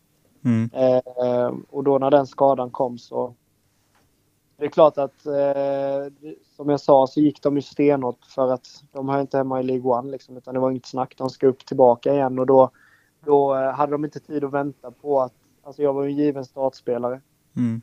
då, ville, de skulle, då var de tvungna att ersätta mig kände de. Eh, jag var borta totalt i tio veckor tror jag utifrån. Eh, och då tog de in Adam Armstrong. Mm. Och, Newcastle. Eh, och han, ja, han gjorde det jäkligt bra. Eh, fin spelare. Men efter de här tio veckorna så behövde jag väl ytterligare typ tre veckor innan jag kände mig som någorlunda mig själv igen. Mm. Eh, på planen då. Eh, fick spela eh, mycket ändå och hade ett förtroende men lyckades inte komma in i det här flowet igen om man säger liksom med, med att göra poäng igen. Eh, så, eh, så det blev ju lite ryckigt sista halvår om man säger, tyvärr. Hur var stämningen i, i klubben och bland fansen när det stod klart att ni gick upp? Nej, men det var fantastiskt. Alltså, det var ett fantastiskt år rakt igenom. Vi hade en väldigt fin grupp, en väldigt fin lagsammanhållning och i medgång också. Eh, allt var positivt. Liksom, året innan ramlade de ur och det var en total katastrof. Och sen då så vänd, lyckades vi vända det och eh, leva upp till förväntningarna om att vi skulle ta klubben tillbaka till igen, igen till Championship. Då. Så, så det är väldigt positivt både från våra supportrar och inne i gruppen och hela klubben. Allting var, var väldigt bra så, så det var ett väldigt fint år. –2018 då, på hösten kommer du till Malmö och du värvas ju hem som ett stort namn då. Kände du själv att folk hade höga förväntningar på dig? Eh, ja, absolut. Eh, det var... Eh, det känner jag Man kommer ifrån... Alltså senast jag var i Allsvenskan så hade jag 10 plus 2 liksom första 12 matcherna och eh, man har varit iväg utomlands och, och skapat sig lite ytterligare erfarenhet och, och sådär. Så det är mm. klart att man kände att dessutom så låg Malmö väldigt pyrt till också i, i Allsvenskan då. Jag tror de låg på tionde plats när jag skrev på. Mm. Eh, så då kände man ju att nu måste det hända någonting och nu måste vi börja klättra i tabellen och, och det ska jag vara med och bidra till. Liksom. Vad var det som påverkade att det blev Malmö? Eh, nej men det var ju först och främst då så var det ju att jag när jag kom tillbaka från Blackburn jag hade ju ett år kvar i Leeds egentligen. Eh, men då var det ju det här att de hade ägaren då som trodde på mig stenhårt. Han hade ju sålt klubben och eh, de var väldigt tydliga med att de tyckte att jag skulle hitta något nytt. Eh, och först så, så liksom försöker man ju slänga ett öga och se om det, man kan stanna kvar utomlands. Eh, Eh, de höll på att bete sig jäkligt illa liksom. De eh, försökte frysa ut mig då så att jag bara skulle dra. Mm, eh, okay. Så hade jag bestämt mig för att jag kommer inte, alltså de kan göra vad de vill liksom. Jag kommer inte bara bryta och dra ifrån liksom. Nej. Utan får se om jag kan hitta någonting bra. Först var det Djurgården som, eh, som dök upp. Um, och först kände jag ju att jag kanske inte ville tillbaka till Sverige riktigt än. Men sen då så var jag, började jag liksom fundera i de banorna att jag måste liksom tänka på min karriär, jag måste spela, jag måste hitta ett steg där jag, ja, där jag får förtroende igen och, och, och lira på planen. Um, så dök ju även Malmö upp där då, så jag åkte och träffade dem på Kastrup, flög dit och um, Ove Rössle hade precis tagit över mm. och träffade han och Andersson och kändes hur bra som helst. Jag valde ju att Eh, att skriva på det. Det var inget snack. Och du gör det också väldigt bra direkt, så du slutar på åtta mål och tre assist den hösten. Och hur viktigt var det för dig också som en anfallare liksom, att komma in i ett nytt lag och göra mål direkt? Men det var ju precis vad jag behövde. Eh, vi hade en, en helt otrolig grupp i Malmö där då också. Eh, och lyckades ju vända den här tionde platsen till att i sista omgången säkra tredjeplatsen då som tog oss till eh, Europa där senare. Eh, så, så det var liksom återigen där, det var ju jäkla stor framgång ändå liksom att ligga tia och, och sen lyckas, lyckas klara den här Europaplatsen då. Eh, och jag var viktig bidragande orsak. Liksom jag gjorde massa mål och, och hittade rätt och hade jäkligt bra relationer med, med många i laget. Så, eh, så där liksom, från att ha kommit från en väldigt tuff tid så var det precis raka motsatsen där. Man trivdes som fisken i vattnet igen och, och man kände att man, man var, man var sig själv på planen. Och ni spelar ju både Champions League eh, och Europa League-kval eh, under hösten som avslutas med att du skjuter Malmö till Europa League-gruppspelet med två mål och en assist mot Midtjylland sett över två matcher. Mm. Hur var det att få spela första matcherna ute i Europa med, med Malmö? Ja, men det var häftigt. Det var ju som sagt, man har ju följt Malmö genom åren, liksom, eh, deras framgångar i Europa och, och det trycket det är på läktaren i, i Malmö, de här magiska Europakvällarna. Eh, så liksom att få, att få uppleva det där, stå i startelvan och, och vara en av dem som ska göra det, det var ju jäkligt stort givetvis. Mm. Um, som jag sa också, att göra det tillsammans med de grabbarna. Liksom, vi hade något speciellt där. Det, det kändes verkligen, vi var ett riktigt gött gäng och Eh, det var, vi var eh, riktigt bra då. Och ni gör ju också ett riktigt bra gruppspel och ni går vidare och då ställs ni mot Chelsea som vi var inne på lite innan. Hur var det att liksom möta Chelsea över två matcher? Men det var ju också, det blev speciellt liksom när man i kvalspel och sånt eh, som allsvenskt lag så har du lite fördel i att du är igång i ligan. Så, eh, sen blir det ju lite raka motsatsen egentligen då om man tar sig vidare från gruppspelet i Europa så, så är det ju helt plötsligt då spelar man i februari eh, där det normalt sett då man kommer från semester och precis har börjat bygga, bygga försäsongen. Eh, så det blev en väldigt speciell försäsong och eh, vi var i Marbella där ett par gånger och, och försökte liksom få bra förutsättningar och så skulle man möta Chelsea då som man visste med allt vad det innebär. Eh, men vi lyckades, alltså det var ju sju, det är ju såklart, det är en stor match eh, för ett svenskt lag och, ställa sig mot Chelsea. Och, eh, det, var, det var coolt såklart. Och ni börjar ju hemma och gör en ganska bra match där ni förlorar med 2-1 till slut. Eh, hur var det att stångas mot stjärnor som Rydiger och David Luiz och Aspilicueta? Nej, men det var ju, alltså som sagt var, det, det, det blir lite så här någonstans först och främst så eh, så har man ju en tro i Malmö på att det spelar ingen roll vilka som står på andra sidan. Vi har en chans, speciellt på hemmaplan. Um, och liksom med publiken som bär fram en där uh, så kan det bli underverk. Liksom. Det har man ju sett många gånger nere i Malmö. Uh, men det är klart att det är lite speciellt, liksom, speciellt på förhand. Man tänker inte så mycket på det under match, vilka det är som står på andra sidan. Men det är ju mer det här inför då när man ser laguppställningarna och vilka man ska ställas, eh, ställas mot. Att det, liksom är, det är ju något extra. Mm. Det är liksom världsstjärnor som står på andra sidan. Och hur mycket trodde ni på då inför returen på Stamford Bridge?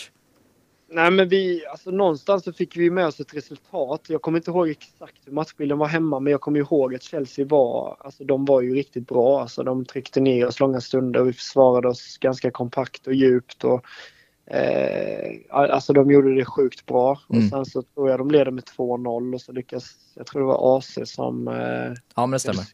Ja. Så vi fick ju ändå med oss ett resultat trots att vi kanske kände att oh, det kunde blivit mer också. Liksom. Vi, det var en tuff match. Vi, vi lyckades inte riktigt få, få grepp om dem. Sen åker vi till Stamford Bridge då som jag sa med ändå ett ett resultat som är okej. Okay. Det är absolut inte något drömresultat. Det ligger under på ett år. Vi måste vinna liksom. Men, eh, men där gör vi ju vår bästa halvlek i, i det, detta dubbelmötet. Det tycker jag. Vi, vi verkligen gick ut som att vi inte hade någonting att förlora. Och kom ihåg att vi lyckas få riktigt bra bett i många stunder i vårt pressspel och, och vi lyckas skapa chanser och hörnor och eh, sådär. Jag tror det står 0-0 i halvtid också. Eh, kanske att de hade gjort 1-0, jag vet inte. Eh, men i alla fall, vi, vi, kände ändå att vi var lite med. Jag tror mm. det stod 0-0 faktiskt i halvtid. Och att vi framförallt då hade gjort en bra halvlek. Eh, så det är klart att man någonstans tror på det, det måste man ju göra. Eh, sen rann det tyvärr iväg lite där i, i andra halvlek. Ja men precis, ja, men det slutar ju 3-0 till slut. Men eh, du, du gör ändå 90 minuter, alltså måste kännas vara lite speciellt ändå att få gå ut på Stamford Bridge inför den publiken och ja, men hela inramningen så att säga. Ja, ja. Nej, men det är det ju. Det är ju stora matcher. Eh, och man är ju lite, alltså det är klart så här, som jag sa lite, det är mest inför så man går ut på arenan och man, alltså du vet så här, in, innan man tränar där dagen innan och liksom eh, det är ju då man känner att, att det är en stor match som, som eh, väntar. Sen när man väl är på plan så är man ju ändå så här, visst, man kan njuta lite kanske. Man får försöka ta in lite intryck men annars är det ju full fokus på, på vad man ska göra. Eh, så är det ju mer i efterhand sen när man kan kolla och ändå känna att det är ganska, det är givetvis stort att spela på de här arenorna och de här matcherna som, som verkligen gäller, mm. gäller någonting. Eh, vi rör oss vidare till 2020. Eh, och då får du endast spela åtta matcher i Allsvenskan. Eh, vad beror det på att det blev så helt plötsligt ja, mindre antal matcher och speltid från att vara ja, relativt given i laget? Liksom? Nej, men det blev ju... Eh, ska vi se här, 2020, det var då Jon, Jon Dahl Tomasson hade tagit över, Var det så? Mm. Ja, det tror jag. Mm. Eh, nej, men det var väl en sån period i, i karriären som ändå blev en det blev en liten vändning där efter ett tag till det negativa. Vi, som sagt, vi bytte tränare och eh, det hade väl börjat lite innan dess kan man väl säga också att det gick lite det blev sämre och sämre, lite mindre speltid under sista delen med Ove också. Eh, och sen får vi ny tränare och det kändes ju helt magiskt i början. Eh, sättet han pratade till mig och, och hur han hyllade mitt djupledsspel och, och, allt sånt. Och vi, det var ju då när corona var också så vi hade ju, jag tror allsvenskan blev framflyttad och, och vi fick träna på själva och vi körde en massa internmatcher. Även då satte han mig som en ytterforward. Mm. Eh, och till en början gick det jäkligt bra. Vi körde de här internmatcherna. Jag kommer ihåg jag gjorde mål och assist i varenda en och det flög fram då och kände ju att jag hade min högerkant spikad mer eller mindre. Där, det är min position och sen så slåss de andra och det är ju inga dåliga spelare liksom. Jo Inge Berget, eh, Sören Riksson och Traustason och mm. de andra. Alltså det var de som fightade som den andra så kändes jag given. Eh, så var det verkligen då. Eh, sen började ju serien och eh, tyvärr då så får jag en liten bristning i framsidan i första matchen mot Mjällby tror jag det var. Eh, så jag går ut efter typ 60.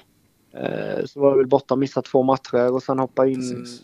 frisk mot AIK igen och då går jag rakt in i startelvan. Eh, och där, alltså då kände jag verkligen den matchen att fy fan vad jag var tung i ben. Alltså jag var, då var jag, jag gjorde en riktig sån platt match. Eh, och var väl inte riktigt, jag vet jag tappade väl. Det är så, det låter så sjukt ibland men alla som som spelar och är aktiva på den nivån förstår också liksom att det räcker att missa två matcher, ibland två, tre matcher borta och sen så ska man in och så känner man helt plötsligt att den här lilla, alltså det lilla extra har man tappat typ.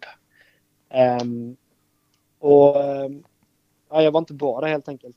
Uh, så tappade den här formen och hittade inte tillbaka. Det blev inga Alltså det blev ingen riktig, jag fick inte till poängskörden så som jag hade fått. Som jag kände att jag verkligen hade någonting riktigt bra på gång inför den säsongen och alla de här internmatcherna vi hade och sånt. Det var som bortblåst. Samtidigt mm. som den här rollen då som Alltså som ytterforward kändes det skitbra i början och på, som, som, på träningsmatcher och det här så fick jag ganska fri roll, precis som jag hade haft i Blackburn då. Att inte så noga med försvarsspelet utan vi, vi ska ändå dominera matcher och vi, du kör, du är forward, typ, du gör som du vill. Typ. Sen blev det, sen blev det ju såklart att när man blir nedtryckt ibland av vissa lag så, så förväntas man jobba hem också och, och då kände jag väl att jag blev lite för mycket... Jag tappade mig själv helt enkelt som spelare. Jag, jag började titta på hur, hur ska man spela som ytter, alltså hur jobbar man här? Alltså, blev eh, att jag la energi på fel saker på plan. Jag mm. gjorde inte det jag var bra på, eh, helt enkelt. Eh, och det blev en ond cirkel och det blev sämre och sämre. Och sen rätt vad det var så var jag utanför truppen och satt på läktaren och, och kollade och fattade inte riktigt vad som hade hänt egentligen. Så kan man säga. Men du fick ju sen, trots den knappa speltiden, spela 90 minuter i dubbelmötet mot, med, mot Wolfsburg. Mm. Hur var det eller hur ser du på de matcherna? Det var väl innan det eller var det inte? Nej, det var innan allsvenskan drog igång va? Ja det kanske det var, det kan vi göra. Det stämmer. Ja, ja det stämmer. Ja, Första utslagsrundan. Eh, alltså då, då var det ju det här med det förtroendet jag kände liksom från starten. Och det, det, det, det spädde ju på det ytterligare den känslan jag hade haft i uppbyggnaden då att jag har ett jäkla förtroende från, eh, från Jon och äh, det här kommer bli jäkligt bra. Sen mm. blev det, de matcherna var ju liksom, du möter Wolfsburg som är ett jäkla bra lag, spelar Bundesliga. Så då blir jag ju, spelar som sagt på en kant och då blir det väldigt mycket i defensiven. Mm. Eh, fick väl inte särskilt mycket uträttat i offensiven, eh, kan man väl säga. Eh, det är klart ändå att bekräftelsen fanns ju där någonstans att eh, han tror på mig och fick spela 90 i båda matcherna. Eh, men efter, eh, ja men under säsongen när väl du blev utlånad till Stabäck eh, i Norge för att få lite speltid då. varför föll valet på Stabäck? Hur gick förhandlingarna till där? Nej men det blev ju som sagt var som jag sa, rätt vad det var så satt man på läktaren. Ehm, och det blev inte så mycket bättre. Jag var med i truppen några gånger men fick knappt spela och ja, det var, det var väldigt körigt där. Ehm, och då så började väl jobbet. Jag bytte ju agentur där då så jag började jobba med Rosenberg och eh, ja, Petter Andersson var det ju då framförallt. Just. Eh, och där började väl någonstans en, en vändning igen kan man väl säga. Eh, att jag kom i kontakt med Petter framförallt som jag pratade med då. Det, det, det var ju då jag fick det, jag liksom kom till insikten att, att jag hade tappat bort mig själv egentligen som spelare och springa runt och göra saker som jag inte ska göra. Fokusera på det jag är bra på istället.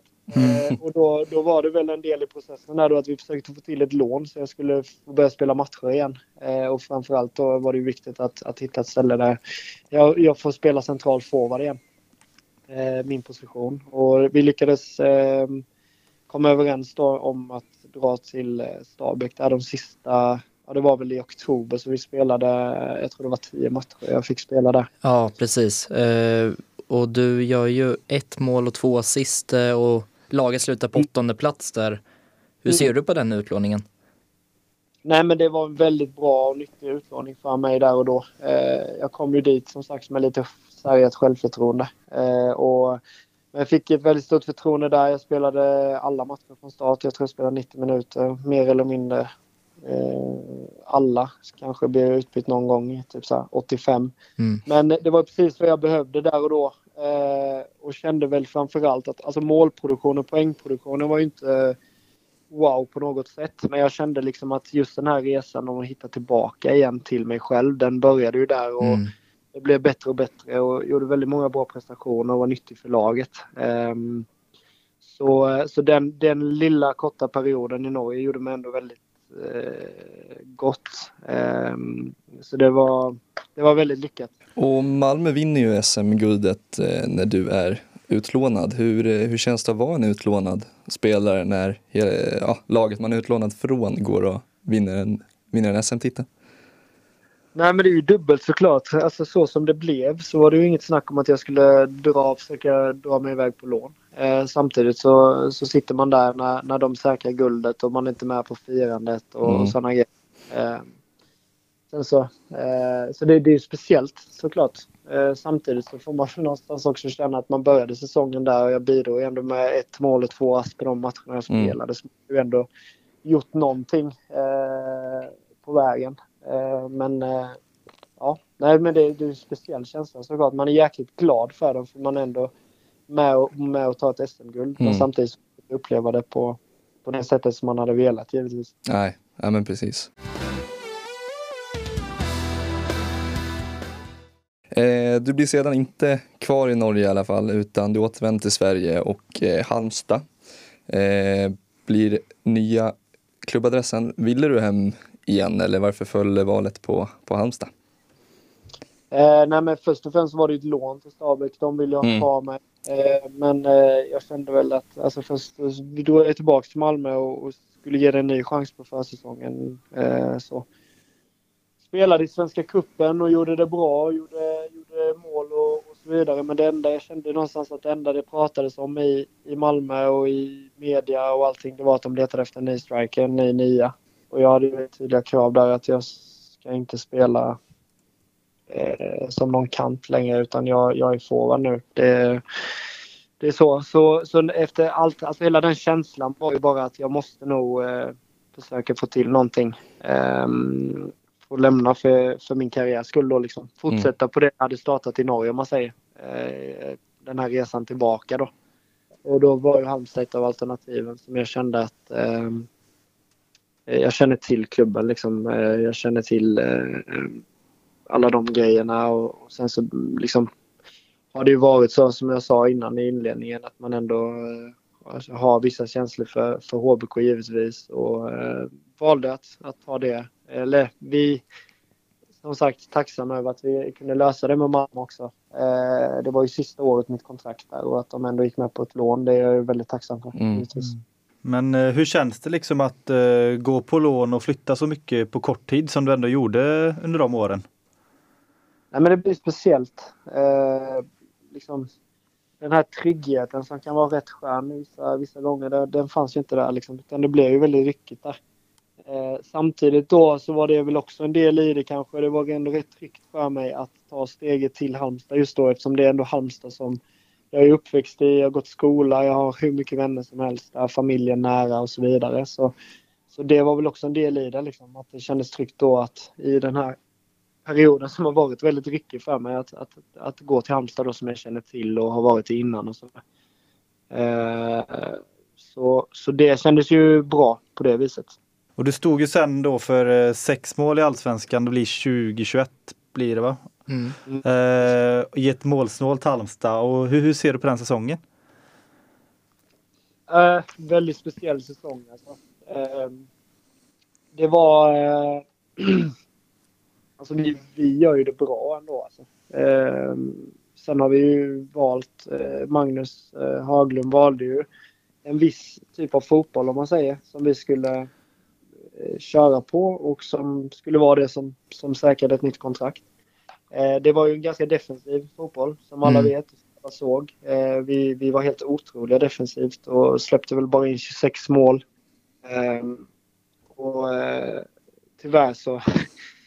det, alltså det kändes ju som att vi skulle säkra det. Det skulle inte vara några konstigheter egentligen. Men vi lyckades ju inte vinna de matcherna som vi liksom borde ha vunnit om man säger. Mot liksom de kollegorna som låg runt oss i tabellen. De, där, där tog vi för lite poäng helt enkelt. Och eh, det slutade ju eh, illa med, med att vi fick kvala och röka ut i sista matchen. Så det är Mhm. klart att det var en jäkla besvikelse. Eh, så.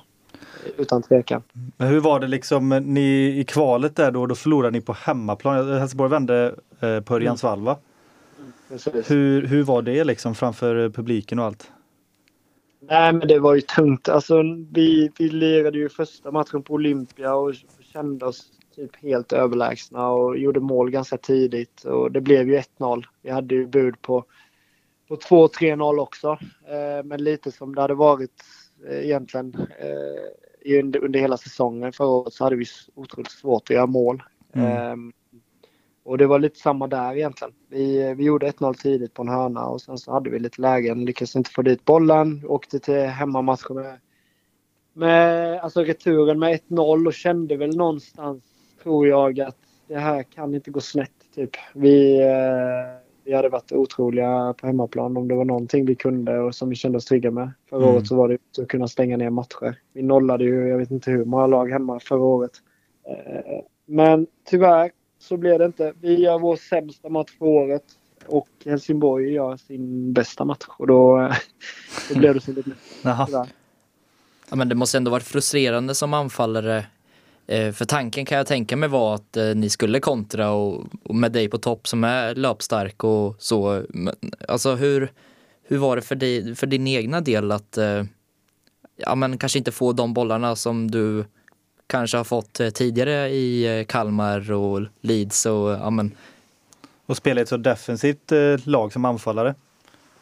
Nej, men det blir ju alltså grejen är att nu sitter man ju lite här med facit i hand också. Mm. Eh, men eh, det är klart att vi som sagt var, vi, det var det är ju ingen hemlighet att alltså vi spelar ju en defensiv fotboll och vi jobbade stenhårt med 11 gubbar liksom.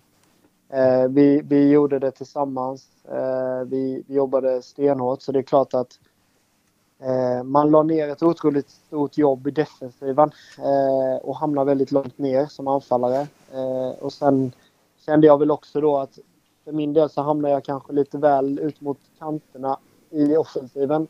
Eh, jag var inte så mycket inne i boxen eh, som jag hade velat kanske.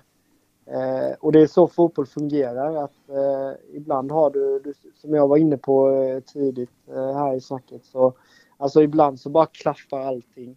Spelsystem, eh, lagkamrater, allt blir rätt helt enkelt. Och det passar en hur bra som helst. Och sen ibland så blir det lite tvärtom att det funkar inte riktigt eh, så som man hade önskat. Alltså man får kanske inte ut max av alla spelare. Eh, så. Eh, och som jag sa lite så sitter man ju lite med facit i hand nu då att man helt plötsligt så, så valde man att gå till Värnamo och så spelar vi kanske en lite mer offensiv fotboll. Mm. mm, Passar mig väldigt mycket bättre. Eh, så så det, det är klart att eh, det var lite frustrerande. Jag hade givetvis önskat eh, att jag kunde göra fler mål för Halmstad förra året och, eh, och bidra till att vi säkrar kontraktet. Eh, så det var ju en otroligt stor besvikelse. Att det inte, att det inte räckte hela vägen. jag förstår det. Sen, ja, sen hade jag också, ska tilläggas, liksom förra året kontra detta året så hade jag lite stökig säsong med. Jag hade lite känning i ett knä eh, som, som störde mig lite och kunde inte träna riktigt fullt eh, hela tiden. Och sen även då när jag i slutet så sista, jag tror omgång 23 eller någonting förra året, så eh, drog jag av ett ledband i foten med så det blev lite hackigt där framförallt på slutet. Eh, eh, kontra nu då när man får vara helt frisk och känna att man flyger fram på ett helt annat sätt. Så, så det är också sådana grejer som, som avgör ju lite. Men eh, ändå jäkligt surt att jag lyckades klara det förra året givetvis. Fanns det några andra klubbar du valde mellan i, i vintras innan du valde Värnamo? Ja, det fanns, eh, det fanns lite grann. Det, det har jag väl varit inne på lite innan. Det fanns lite alternativ på utlandet som inte kändes, eh, som inte lockade mig eh, överhuvudtaget. Och sen fanns det ett par klubbar, eh, ett par tre klubbar i, i allsvenskan också. Och, eh, så det var ju inte bara Värnamo, men eh, valet landade där och det kan man säga att jag är väldigt glad för i, idag. Mm. Ja, det förstår vi.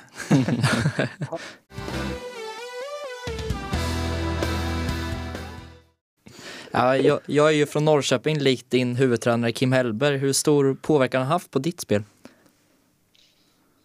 Nej, men han är ju fantastisk. Eh, det har ju betytt eh, väldigt mycket att få, få spela under Kim, givetvis. Ehm, han, ehm, alltså han har varit ett stort bidrag.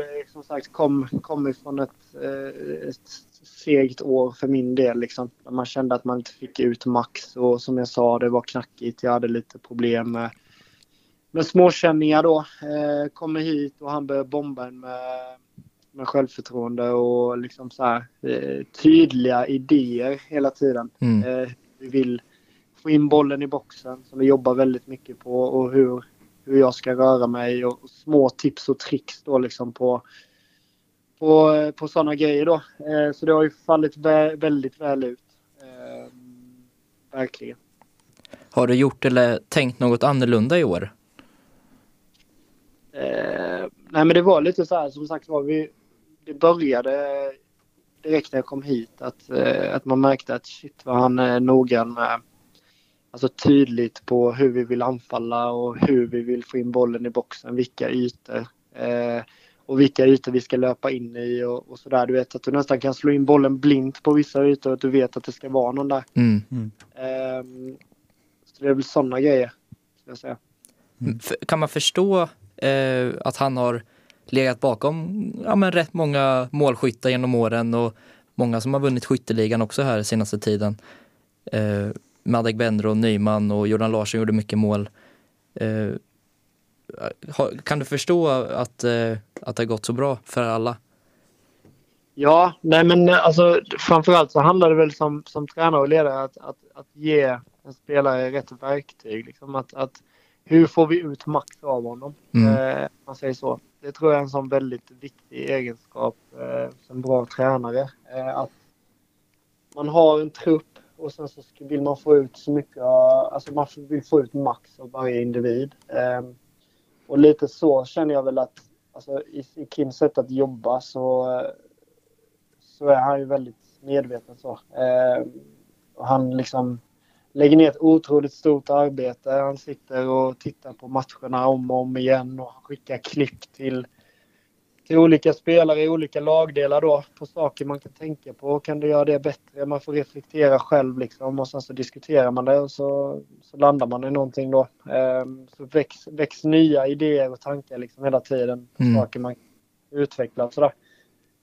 Um, så det, det i kombination då med för min del mitt arbete som jag snackade om lite innan med då Petter Andersson och, och den här liksom lite samma. Det har, det har fallit väl, väldigt väl ut för mig för det har gått lite hand i hand. Liksom både Petter och sen så Mackan Rosenberg då liksom har också kommit med lite sådana små sätt, alltså tips. Eh, du vet när du ser matcherna hur, hur jag kan röra mig i boxen, hitta mm. fria ytor. Alltså små, små saker att tänka på hela tiden. Mm. Det låter ju lite nördigt. Eh, är det, har, har, du varit med om det här eh, tidigare eller är det något Nej, nytt för dig? Är ju, alltså, jag tror att han lägger ner otroligt mycket tid och han vill verkligen utvecklas för varje dag som går. Och, eh, det gör ju också att man själv blir lite sån.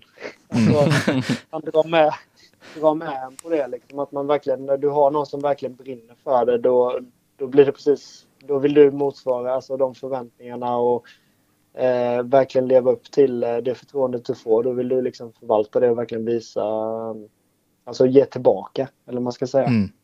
Eh, så det, det, jag tror, för att svara på din fråga efter 20 minuters utläggning så tror jag Ja, men jag älskar det. exakt. Nej, jag kan förstå att han har fått många mål, målskyttar och, och göra mål. Ja, men vad bra. Tack för Ja, för du har ju verkligen gjort en riktigt eh, stark säsong med 17 mål hittills i Allsvenskan. Eh, men trots det så ligger Alexander Jeremejeff före med sina 21 gjorda. Hur, hur känns det för egen del, för dig? Liksom för många andra år så vinner man skytteligan på 17 baljer liksom och då utgår jag ändå från att du gör några till den här säsongen. Eh, nej, men det är väl, eh, alltså helt ärligt, det är ganska inspirerande.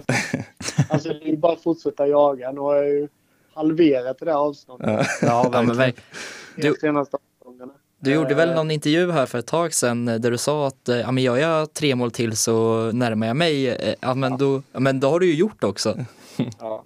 Nej, men det har ju blivit så. Han hade ju 20 och jag 12 och sen så tre, tre omgångar efter- senare så står vi på att han har 21 och jag har 17. Så fortsätter jag så så hinner jag ju ikapp honom. Jag hoppas på det. Ja, eller hur? Nej, men lite så. Samtidigt som då för egen del så är det ju fantastiskt roligt att man kan... Alltså att mina mål också har bidragit till, eh, till poäng, att, att vi vinner matcher och, och att man kan liksom, att det betyder någonting Mm. för laget också. Ehm, så det, det är någonting som, som har stärkt mitt självförtroende hela tiden. Inte bara att det har varit mål utan att det har också betytt någonting och att man gör skillnad och, och verkligen hjälper laget. Eh, Men hur mycket får du höra om den här duellen just mellan dig och Alexander? Retar det dig någon gång eller är det mest roligt? Nej, alltså det är bara roligt måste jag säga. Eh, och så nu är jag ju också i en position där man jagar och det vad brukar man säga. Det är alltid lättare att jaga. Ja. jaga. Eh, nej, så det är ganska kul. Det det är, grabbarna i laget håller på också liksom och skojar om det och att, eh, vi ska se, att de ska se till och hjälpa mig. Tror du han känner sig lite nervös eller? Känner han sig lite nervös tror du? Alltså det, som sagt, fortsätter jag i den här kontakten så tror jag fan han får, får jobba på. Alltså. Vem vinner skytteligan till slut då? Om du måste tippa. Vem som, vem som vinner skytteligan? Ja. Det, det gör ju jag. Ja, det är bra. Måste alltid tro på sig själv. Måste jag ju säga. Ja. Har det blivit att du går in och kollar flashscore efter Häcken har spelat och ser om han har gjort ett till mål eller hur?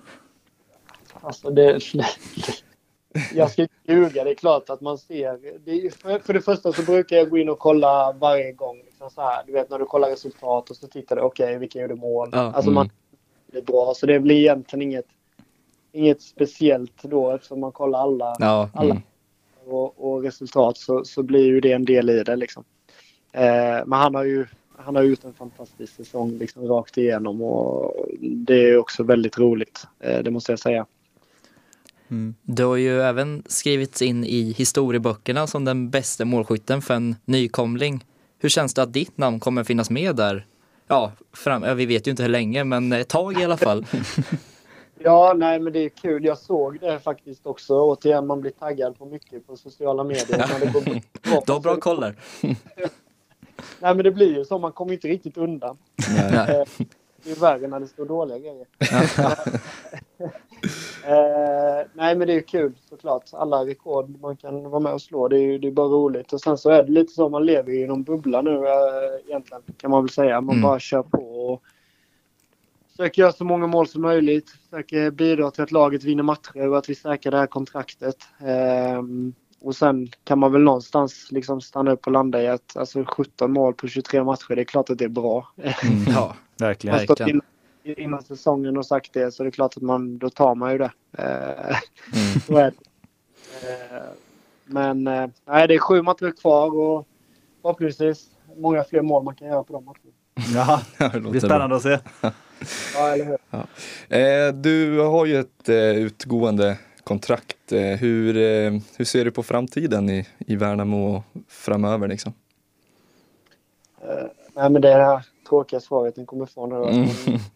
Vill, eh, vi, alltså, fokus ligger ju bara här och nu på att eh, först och främst så att vi ska, vi har sju matcher kvar. Mm. Eh, först och främst så vill man ju liksom säkra det här kontraktet helt och hållet. Eh, Och, och sen kan jag väl säga, alltså jag menar, vi har ju ändå hängt på några lag som det ser ut nu så är vi, har vi väl hängt på, på några lag ovanför oss också i tabellen och liksom börjat titta, titta på det. Så det, det är lite det där fokus ligger nu. Spela klart de här matcherna och just nu är det otroligt kul att spela fotboll och man vill bara ut, ut och spela match liksom Mm. igen och igen och igen. Så Mm.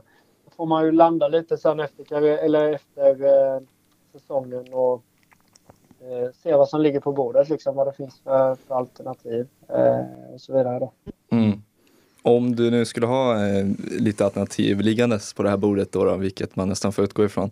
Finns det några eh, specifika land eller ligor, om man bortser från kanske drömligan i Premier League då, men eh, som du skulle kunna tänka dig, liksom, är det någonting som skulle locka lite mer kanske? Eh, nej du, jag, alltså jag har sagt lite så här, vi stänger inga dörrar för någonting egentligen. Mm. Liksom. Det brukar vara så i sånt, alltså som sagt var, där mitt fokus är nu, det är ju de här matcherna som kommer. Och sen Mm. så får man ju. Så jag har inte funderat så mycket på, på vad det skulle kunna vara egentligen. Nej. Eh, försöker bibehålla, bibehålla det här liksom, eh, målformen som jag är inne i nu liksom, eh, och bara köra på. Så jag har inte tänkt så mycket på, på vilket det eventuellt skulle kunna vara och sådär utan det- jag känner väl någonstans att jag, eh, jag får ta det när, när det är dags och, och det är läge och kunna fokusera på det i så fall. Du får kolla med Rosenberg sen då. Efter Ja. säsongen. Exakt. Får se om plocka fram något intressant. Ja, exakt. Nej, men eh, vi börjar ju närma oss slutet här, men vi har några frågor kvar. Så, eh, och det, då kommer vi in lite på landslaget och du har ju tyvärr inte fått göra någon landskamp under karriären. Men du har ju varit aktuell några gånger, eh, speciellt efter den fina våren i Kalmar 2016 och efter framgången i Europa League-spelet med Malmö. Vad, vad tänker du om landslaget? Har det, har det varit nära för din del någon gång? Ja, men det har det väl. Eh, som sagt, jag har ju fått, eh, fått ett par bruttokallelser och, eh, och sådär. Och sen har ärligt talat tyckt att jag borde varit med vid de här tillfällena, speciellt de du beskriver. Så, så jag, det jag tänker är väl egentligen att... Eh, alltså det är väl egentligen samma sak nu, eh, om vi ska vara helt ärliga. Alltså, Mm. Jag tror jag har gjort 12 mål de senaste 11 matcherna.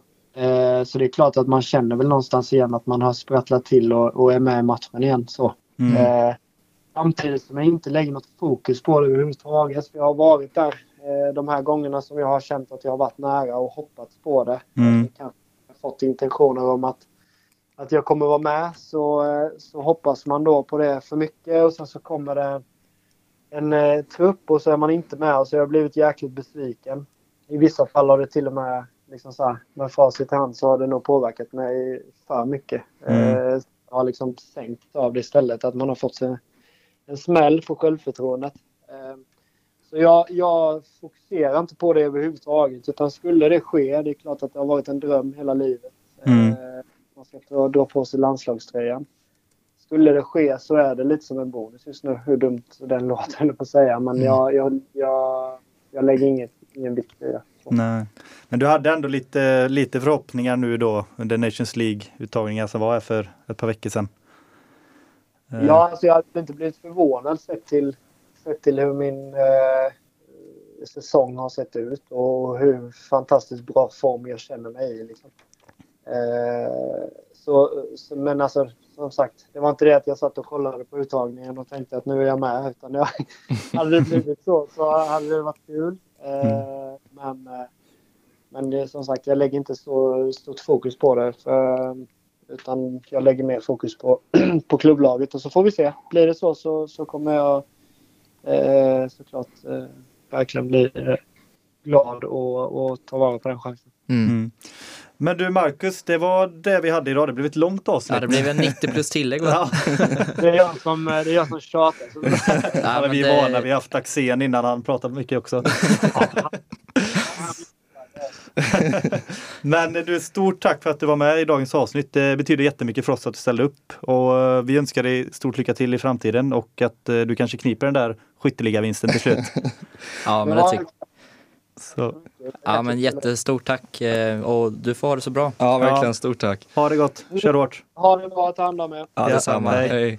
Det var allt för det här avsnittet och vi hoppas att vi är snart tillbaka med ett nytt avsnitt. Och eh, tack för att ni har lyssnat. Tack, tack. Tack så mycket. Hej!